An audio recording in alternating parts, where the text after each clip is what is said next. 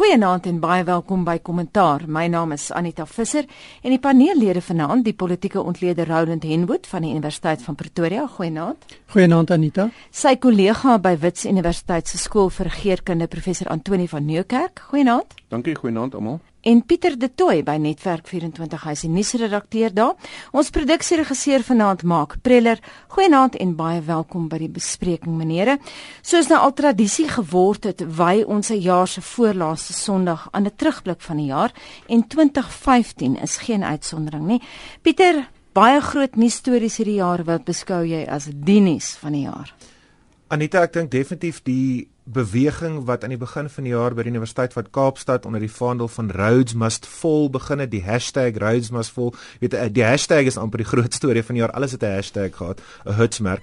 Maar Rhodes must fall was die begin gewees van 'n veel groter beweging wat toe uiteindelik uitgeloop het in fees must fall hierso by die Universiteit van Witwatersrand waar Antonius wat vir ons baie daarvan kan vertel.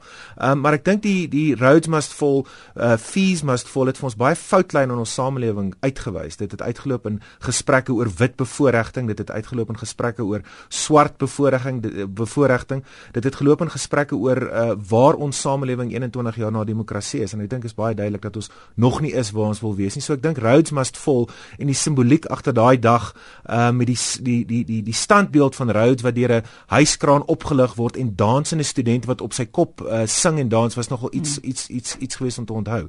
Net um, kortliks die ander nuus gebeure Die uh, afgelope 2 weke definitief amper dink ek hierdie jaar gedefinieer president Zuma wat definitief verswak is na sy fout wat hy gemaak het om die minister van finansies af te dink en die reperkusies daarvan. Jy het nou baie mooi die bal in Antoni se baan geplaas. Uh, ons gaan later by internasionale nuus kom, maar kom ons ja. praat eers 'n bietjie oor die uh, die hele studente optogte, die onluste van jaar, die fees must, must fall. Het dit jou as akademikus by universiteit heeltemal onkant gevang? Ek dink aanvanklik het min van ons gedink dat die uh standbeeld wat nou uh op sy kop gedraai is by ons 'n impak gaan hê. Maar met die tyd het dit duidelik geword dat daar 'n landwyse beweging onder studente onder studente is om uh brandpunt kwessies op die nasionale agenda te plaas. En weer eens dink ek die meeste van ons akademici, ek loer na Roland terwyl ek praat, was onkant gevang geweest toe ons gedink het maar studente proteseer nou maar weer eens oor moontlike fooi verhogings van 10% rolweg. En toe ons ons oë uitvee te sien ons daar's 'n landswye beweging wat posvat onder studente en wat gesag uitdaag. Uh en trouens die ehm um, Die klimaks was studente wat na die Unie gebou toe geloop het en na die parlement toe geloop het en gewoon bo oor almal geloop het en gesê het hier dit is wat ons nou eis van die regering. Van die regering nogal. So die storie vir my wat die jaar definieer is gesag word uitgedaag. Trouwens, die jaar het begin met die parlement in totale wanorde. Wie sal ooit daai prentjies kan vergeet? Die parlement het het gedraai en dit was 'n dit was 'n betekenisvolle oomblik geweest. Die ANC het nooit gedink dat 'n klomp ehm um, ouens in rooi oorpakke soveel drama kan veroorsaak nie. En dit speel uit, dit is 'n uitkringende, dis 'n dis 'n dis 'n oomblik wat die parlement wat die simbool is van gesag in die land gedefinieer het. En ek dink jy ons het die einde daarvan gesien beide wat die studente aanbetref en wat die parlement en die uitdaging van gesag aanbetref nie. Dis 'n ding, dis 'n ding wat volgende jaar gaan herhaal. Ons sal later weer daaroor moet gesels. Antonie, miskien ook die wit middelklas, die bourgeoisie, hmm. het nou uiteindelik begin deelneem aan opmarste en optogte want gewoonlik ja. tradisioneel het hulle dit nooit gedoen nie. Ja, Anita, weet jy, dis nou 'n ding waaroor baie kommentators, uh sosiale kommentators sukkel om te praat want wat wat gaan aan hierso? Uh, ons het gesien nadat Zuma uh met die fin min debakel betrokke geraak het, so drie ministers van finansies in 1 week tipe van het die wit middelklas saam met die swart middelklas besluit dat dis dalk die einde van Zuma se presidentskap. En so daar's nog 'n hashtag wat nou die lig gesien het, Zuma must fall en wit kiesers en middelklas mense neem deel aan protesoptogte. Maar ons swart uh uh uh kollegas en burgers vra hulle self af hoekom ons regtig waar deelneem uh as wit mense aan hierdie protesoptogte want ek moet vir jou sê die prentjie wat in die media verskyn het van die ou Suid-Afrikaanse vlag wat gewaai het by een van hierdie proteste het 'n klomp mense omgekrap. So die ding speel nog nie heeltemal lekker uit nie. Ek kan nie met vertroue sê dat daar is 'n groot blok mense in Suid-Afrika ongeag kleur wat opstaan en sê maar ons is nou moeg vir president Zuma nie. En hy gaan nie val as gevolg van hierdie beweging nie. So die ding het nog nie uitgespeel nie. Kom ons gaan na jou toe Roland. Kom ons kyk eers na die studente. Jy is 'n dosent by Tikkies. Antonie het nou gesê hy is ontkant gevang. Wat van julle? Ehm um, Tikkies het so 'n bietjie later as die ander universiteite deel van die hoofstroombeweging geword. So ek dink nie ons is onkant gevang nie. Ons het gesien wat is besig om te gebeur. Miskien net belangrik van uit wat by Tikkies gebeur het is die geweldige gedissiplineerdheid waarmee die hele proses afgespeel het. Daar was nie enkele insident van geweld, aggressie en dit lyk of die hele ding nie net gemoedelik by die studente nie, maar ook die bestuur het dit baie anders hanteer en ek dink baie goed hanteer. So so vanuit IP se kant 'n goeie proses, maar nog nie die einde van die proses nie, definitief nie. Wat vir my interessant is is dat hier definitief goeie denke en beplanning ingegaan op 'n nasionale vlak. Want die studente het baie duidelik die regering geteken, nie net die universiteite individueel soos in die verlede nie. Hulle het die departement van hoër onderwys geteken en dan baie belangrik was die besluit om af kampus te gaan na die Unie gebou toe en na die parlement toe. Ek dink nie ons kan onderskat hoe belangrik dit is nie, want dit verteenwoordig 'n breek met 20 jaar se politiek in Suid-Afrika waar jy basies maar die regering se lyn gevolg het as jy hierdie studente is waarvan ons nou praat grootliks. Dit is nou einde daarvan. En ek dink baie belangrik dit is die waarskynlik een van die belangrike tekens van 2015 is die breek nie net met gesag nie maar met die politiek van Suid-Afrika na 94 waar jy wegbeweeg van die onderdanigheid van die instemming van die baie vinnige aanvaarding van wat die regering sê. En nou begin sê maar ons aanvaar nie meer nie. Ons koop nie die verduideliking nie. Ons soek iets. Ons eis dit.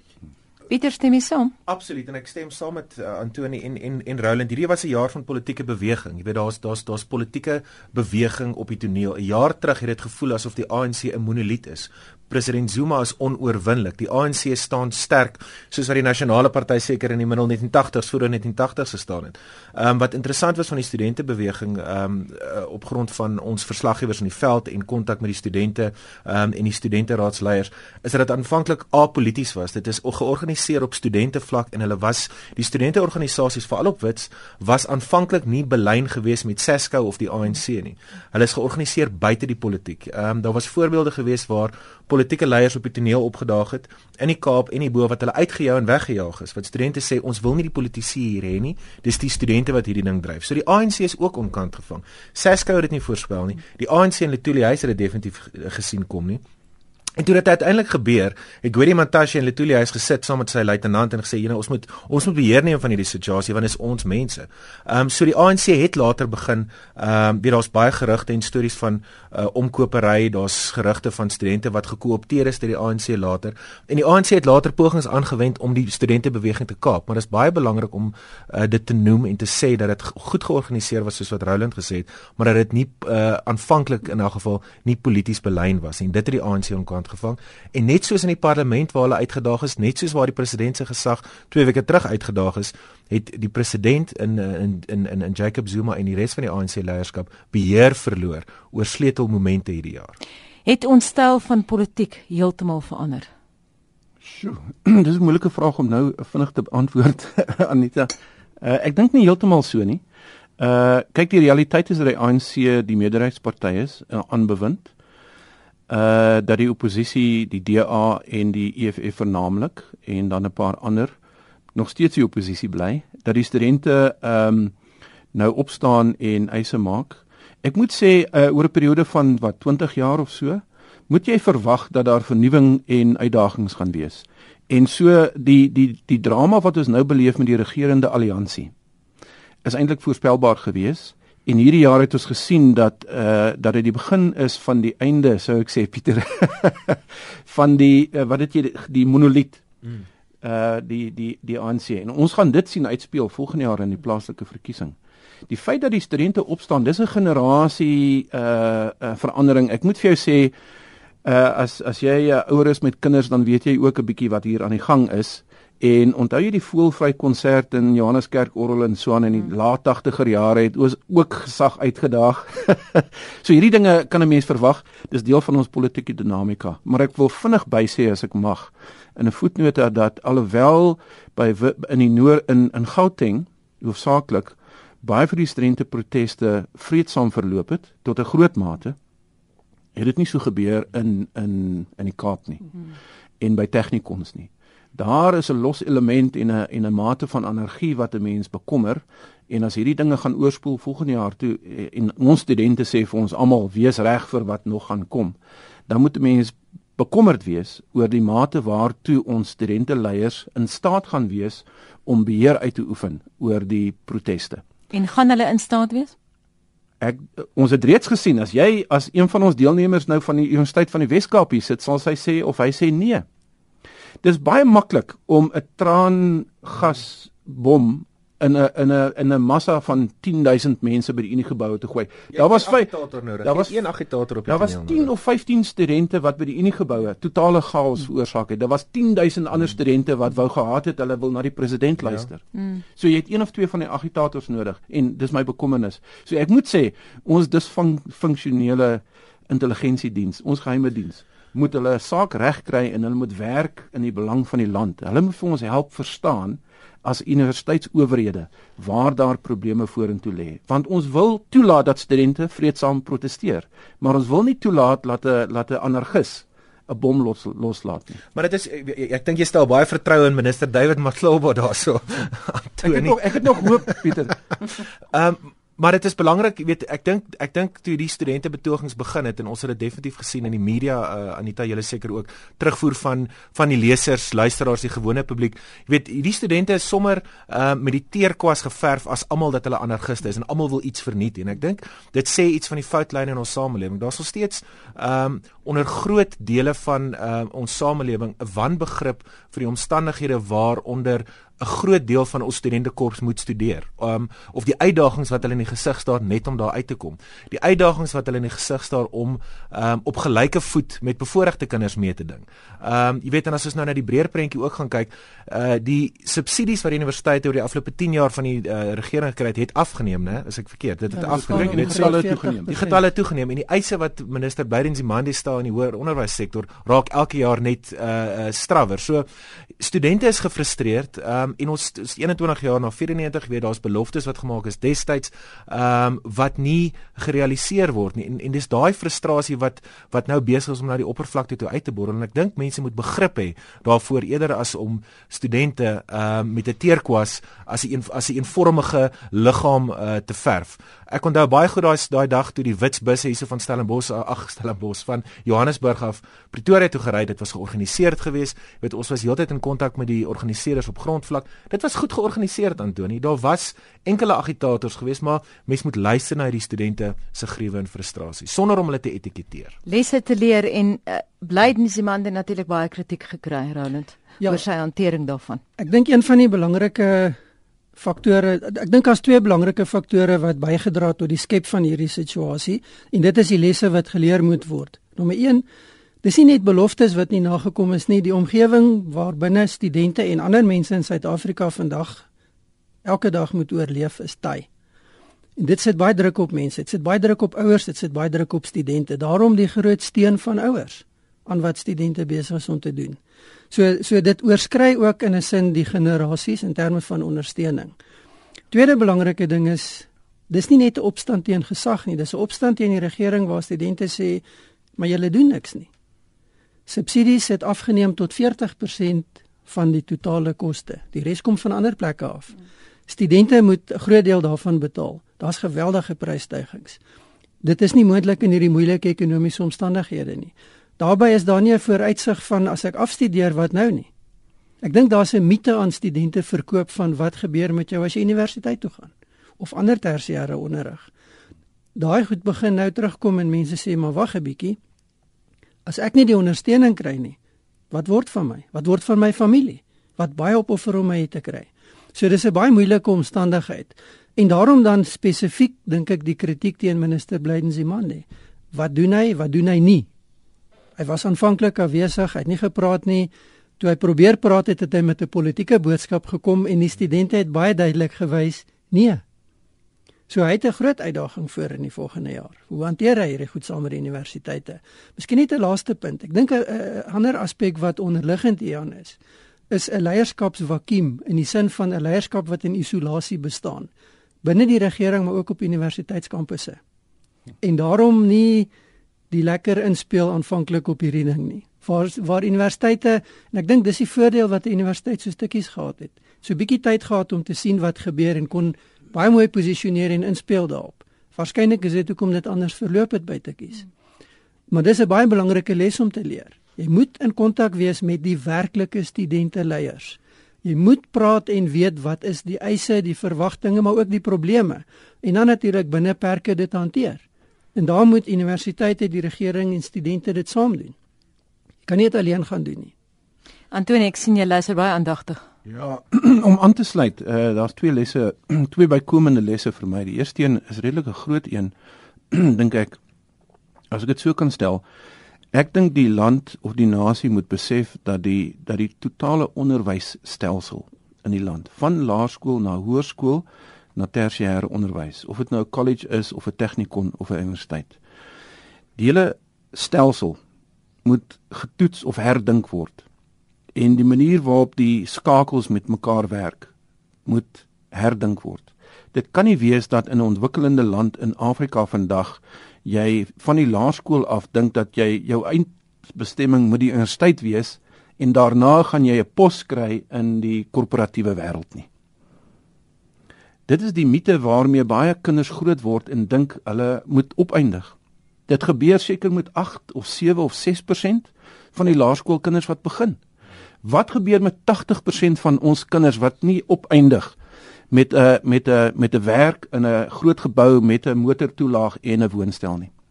Wat gebeur daar? So iets is uit balans uit en ons praat van hierdie jaar van die krisis by tersiêre onderwys, hmm. maar ons weet ook Ons het nou onlangs gesien dat die minister van laer onderwys sit met 'n ander korrupsie krisis op op hande waar poste koop gekoop en verkoop word. Mm. Wat ons nog nie reg kry op hierdie stadium nie, Miskien gaan mense in die Desember vakansie sit en daaroor praat. Ons politieke en sosiale en samelewingsleiers moet hierdie hele pakket vat en sê wat is dit wat ons wil hê ons vir ons kinders en die volgende geslag moet aanbied. Dis 'n dramatiese ding om te doen. Maar ek wil vir jou sê, dis my voorspelling as ons leiers van die land dit nie gaan doen nie. En daar praat ek nie net van ANC leiers nie, maar vat vir Jonathan Jansen en sit hom in 'n lodge onder 'n boom saam met Blade. En sit Roland daarso en sit Antoni daar en sit 10 ander mense daar. Laat ons kan praat oor al hierdie goeters. Want as ons dit nie doen nie, gaan ons volgende jaar met 'n dieper en dieper krisis sit wat die onderwys aanbetref. En dit het die vermoë om die sosiale kohesie van die land omver te werk. Dink jy nie ons diskurs is alreeds lewendig genoeg en daar nie? Ek uh, Anita, waar sien ons dit? Ek sien dit nie. Ek sien mense wat posisies inneem wat hulle wat hulle organisasie verteenwoordig. Hmm. Of 'n universiteit of 'n departement of 'n uh, of 'n politieke punt. En so met ander woorde, ons kom nie regtig waar heeltemal by mekaar uit nie. Ek wil vinnig 'n tweede ding sê.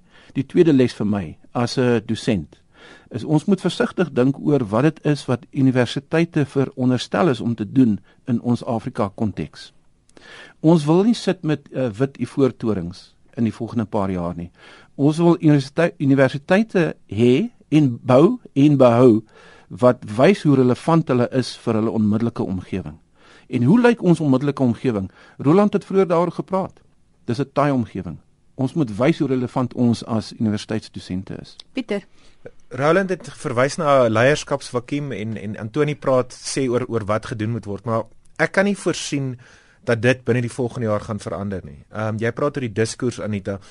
Die enigste manier wat mens hierdie gesprek in die gang kan kry, die enigste manier wat jy die strukture gaan herbedink is as jy leiers het wat ehm um, die taak op hande identifiseer en iets daadwerkliks daaraan doen. Nou ons praat almal die hele hele politieke prinsipaal is Blyden Zimandi. Hoekom is hy daar? Hy's daar as uh hoofsekretaris van die SAKP. Hy het daar gekom omdat hy die president ondersteun het. Um en hulle enigste missie was om die president in die presidentskap in die presidentskap te kry in 2009. Um daar's verskeidenheid redes daarvoor, Zuma wil uit die tronk uit bly, et cetera, et cetera, et cetera.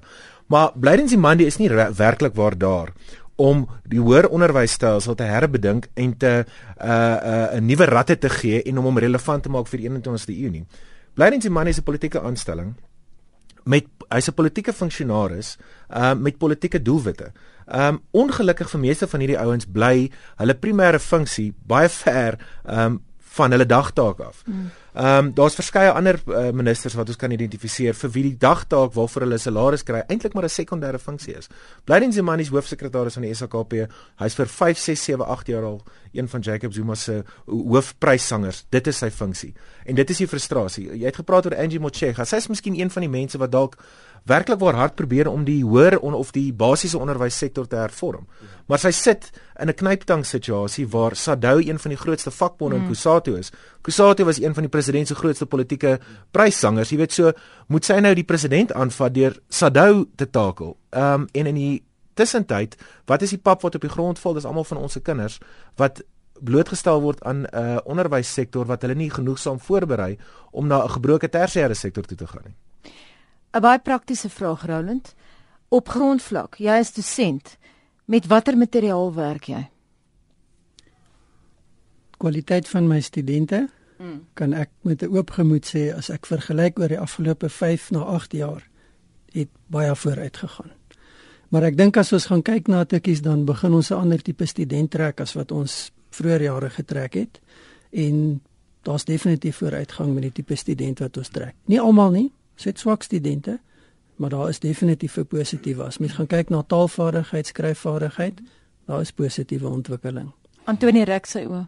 Ja, nee, nie geval by julle nie. Ek wonder of ek moet skuif tikkies toe want by by wits gaan dit moeilik. Ek moet vir jou sê uh uh ek weet nie 30, 40, 50 of meer duisend studente het aansoek gedoen vir 'n paar duisend plekke by wits. So ons kan kies en keur. Ek moet vir jou sê ons slim jong mense is so slim soos enige ander jong mens in die wêreld. Geen probleem. Uh ek staan beïndruk met die kwaliteit van ons jong mense. Maar my skool is 'n nagraadse skool. Daar by ons moet ons studente 'n uh, verhouding 'n uh, ver, verhandelings skryf.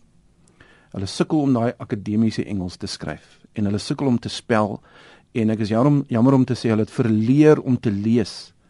Dis 'n ding wat uit die wat wat dis besig om te verdwyn in 'n era van globalisering en waar die die internetrevolusie heeltemal oorneem. Ja, so met ander woorde, die ding van Google is lekker as jy vinnige antwoord wil hê maar op jou slimfoon. Maar as jy 'n dieper vraag moet beantwoord oor wat in die samelewing aangaan, dan gaan Google jou nie daarmee help nie. Mm. Dan moet jy 'n boek of twee gelees het en studente sukkel om boeke te lees. So dis my bekommernis. Uh ons sal daaraan moet werk. Jy raak nou aan een van die ander, jy weet daar's seker 3 bene. Universiteit is duidelik die storie van die jaar. Jy weet so ons het ons het ons het Rhodes must vol gehad by UCT en en dit het gegaan oor die institusionele kultuur op 'n uh koloniale kampus, kan ek nou dit in aanhalingstekens sê. Toe dit beweeg na uh uh hierbo by Wits en uh um weet fees must fall. Mm -hmm. En toe draai dit by die Universiteit van Stellenbosch uit, weet oor Afrikaans. Afrikaans is onderrigtaal en en jy raak aan 'n baie belangrike punt studente of kinders wat universiteit toe gaan en sukkel met gewone toegang tot klasse mm. om klasse te verstaan om mm. om om om om lesings te volg. Mm. Um, en dit was 'n enorme debat op op op Stellenbosch geweest, een wat nou nog nie opgelos is nie.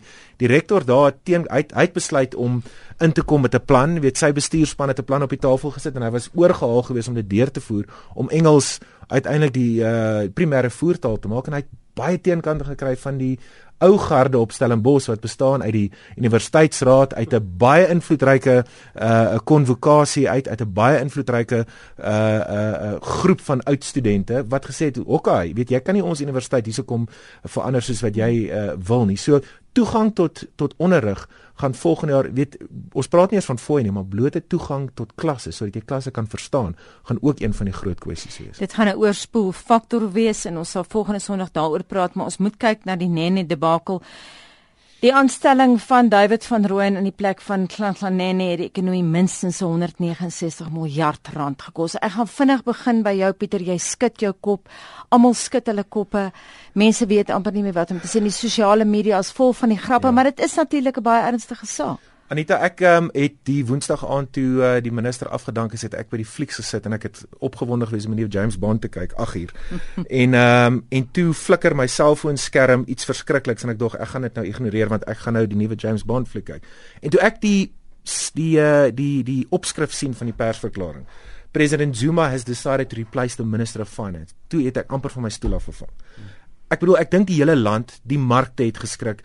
Wat het die president besiel om 'n gerespekteerde minister van finansies um so skielik uit sy pos uit te skuif. Nou niemand het dit verwag nie, niemand het dit gesien kom nie. En ek dink dis belangrik om ook te verstaan dat die ANC se top 6 het dit nie sien kom nie. Die nasionale uitvoerende komitee het dit nie sien kom nie. So ons is nog steeds nie seker wat die president se motivering was om Nhlanhla te verwyder nie.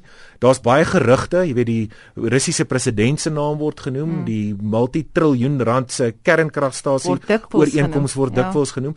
En dit het ons 96 uur van absolute chaos gehad van vergaderings tussen uh ehm um, tussen sakelei met senior ANC mense, bankiers wat ingespring het en 'n noodvergadering op 'n Sondagmiddag wat uitgeloop het in 'n verklaring kwart voor 10 die aand wat sê minister Pravin Gordhan is terug. Nou hmm dit is dit is dis Pisang Republiek stories hierdie, jy weet, en dit het ongelooflike skade gedoen wat dit wel vir ons gesê het en wat die wat die uitvloeisel daarvan vir ons plaaslike politiek is, is dat die president staan beslis nie meer so sterk soos wat hy selfs 2 2 of 3 weke terug gestaan het. Roland, jy stem saam. Ek wil vinnig iets anders sê. Ons het met uh, eh, Dr Piet Kroukamp gepraat ruk gelede toe hierdie hele drama nou ontvou het en hy het gesê agter die skerms was daar lank reeds ongelukkigheid.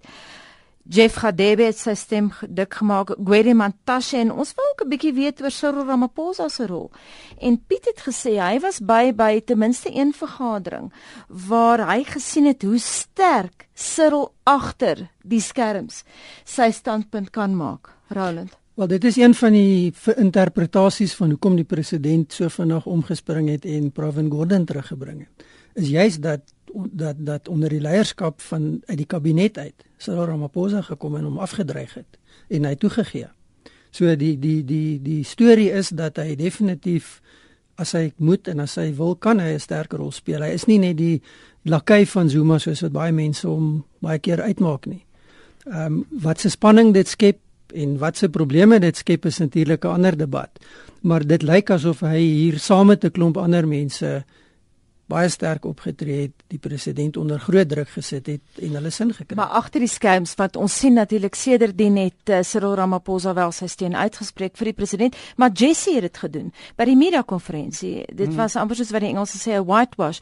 Maar hmm. Antoni net om te kom by jou in terme van wat ontvou het die afgelope 3 weke dit het baie mense onkant gevang en ek dink vir president Zuma een ding gesê dat hy nie in voeling was hmm. met nie net die kabinet nie maar hy hmm. het die soos die Engels sê he misread the public mood ja self binne in die ANC uh ek dink baie senior ANC lede is ontstel oor wat gebeur het omdat uh daar's 'n beginsel van kollektiewe uh besluitneming en die al die vorige ANC president presidente van die land wat ANC presidente was uh het hierdie beginsel uitgeoefen.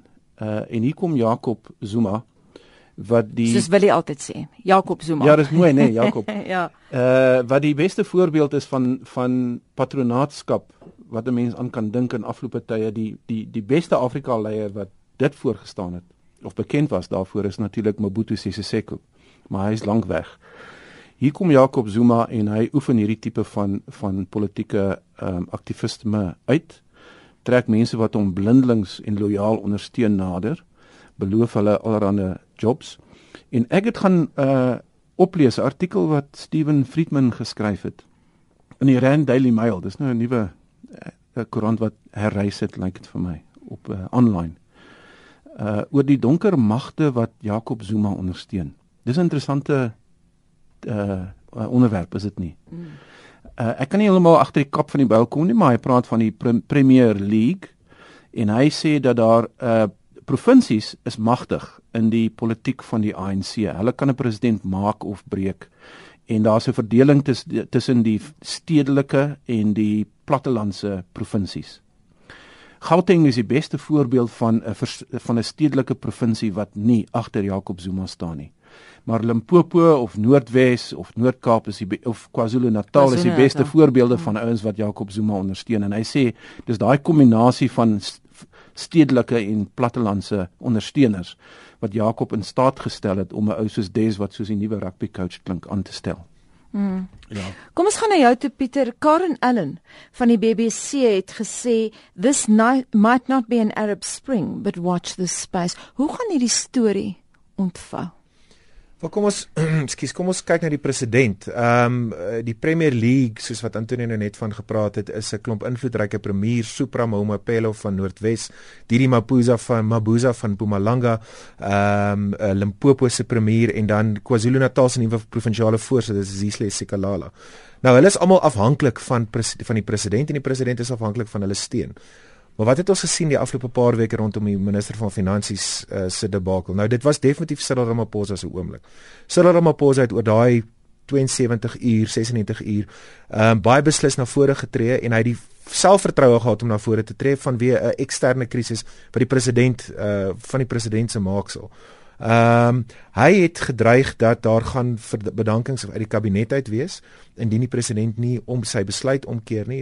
Hy in kluis Cyril Ramaphosa sou een van die bedankings hmm. Hoeveel gewees het. Hoeveel bedankings sou daar wees? Hoeveel mense het gedreig binne die kabinet ek gaan loop? Wel daar daar's natuurlik 'n president daarvoor, né, in 2020 8 10 hmm. maande na uh Thabo Mbeki by Polokwane verloor het, hmm. het ehm um, hulle besluit om Thabo Mbeki te herroep. Toe was die grootste enkele bedanking daai tyd was Trevor Manuel geweest. Nou hy was in New York geweest by die VN um, en toe kry almal skielik net hierdie flash kennisgewing uit New York hy Trevor Manuel bedank. En dit het die markte in 'n tuilspin gestuur. Dit het 'n uh, groot uh, ongelukkigheid veroorsaak plaaslik. En toe sê Trevor Manuel nie hy het nie bedank nie. Hy het nie die opsie van bedanking op die ANC se tafel gesit want die nuwe president is dis die nuwe president se prerogatief om sy kabinet saam te stel.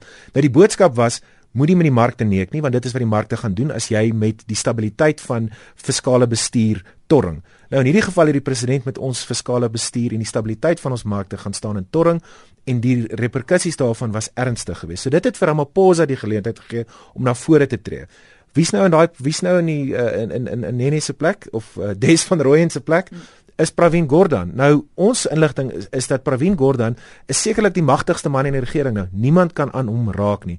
Sy mandaat is om seker te maak dat ons binne ons fiskale beperkings opereer dat ons die bestedingsplafon nie oorsteek nie en hy is besig om hierdie netwerk van patronaatskap wat Jacob Zuma ingestel het stuk vir stuk te uh, uitmekaar te haal. Hy het vir Dudu vasgevat. Hy het vir Dudu vasgevat en nog belangriker, hy het die Guptas vasgevat want Die storie het ook doen ook die rond dat die Guptas was basies op pad Tesorie toe. Mm. Hulle het basies 'n kantoor by Tesorie gehad om invloed uit te oefen op alles van tenders tot bestedingsprioriteite uh, tot wie weet wat wat waarop hulle alles nog kan invloed uitoefen. So die Guptas is gekeer. Nou die Guptas besit die president, die president uh rig die kabinet en die NEC. So jy kan sien hoe hierdie netwerk in mekaar steek.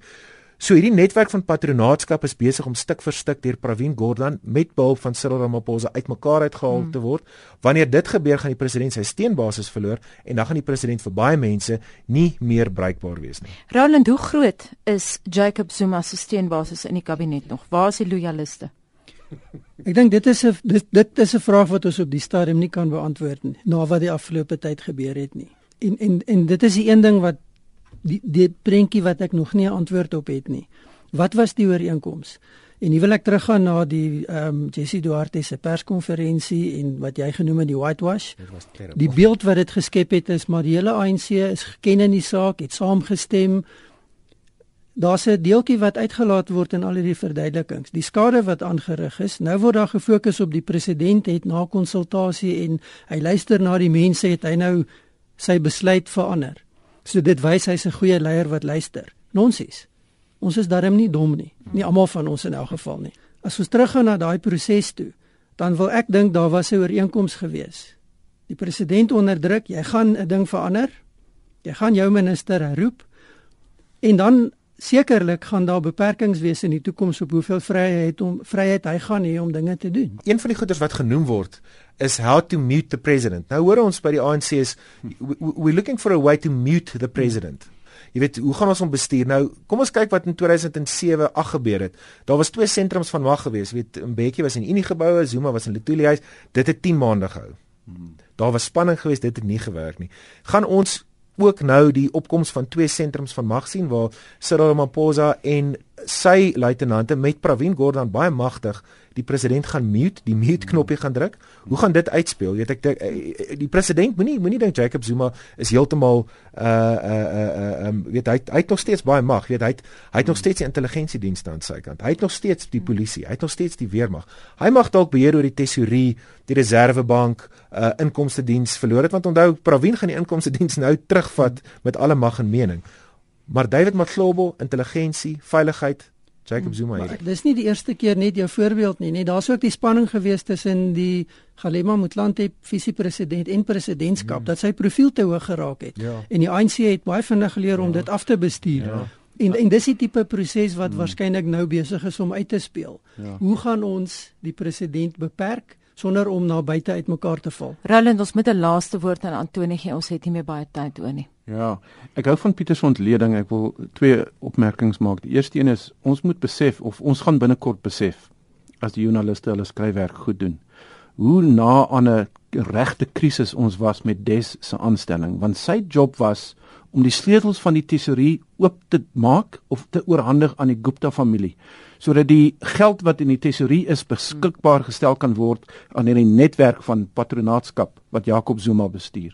Die tweede ding is uh my opmerking oor uh Pieter se ontleding is dat uh dis nie maklik om president Zuma te mylband nie want hy staan baie sterk. Daai uh netwerk van ondersteuning wat hy opgebou het oor baie jare het vir Mbeki weggewas uit die politiek uit. En uh as ons dink dat hierdie Des fiasco die einde van Zuma is dan twyfel ek sterk. Dit gaan nog 'n jaar of 3 duur voordat Zuma sy einde gaan sien. En op daardie noot eindig ons uh, finansiële kommentaar. Dit was 'n terugblik oor die jaar 2015 en by my in die ateljee was professor Antoni van Nekerk. Antoni baie dankie. Dankie Anita. En ook saam met my Pieter De Tooy van Netwerk 24. Baie dankie vir jou insette. Dankie Anita. En dan Roland Henwood van die Universiteit van Pretoria. Dankie Roland. Dankie Anita.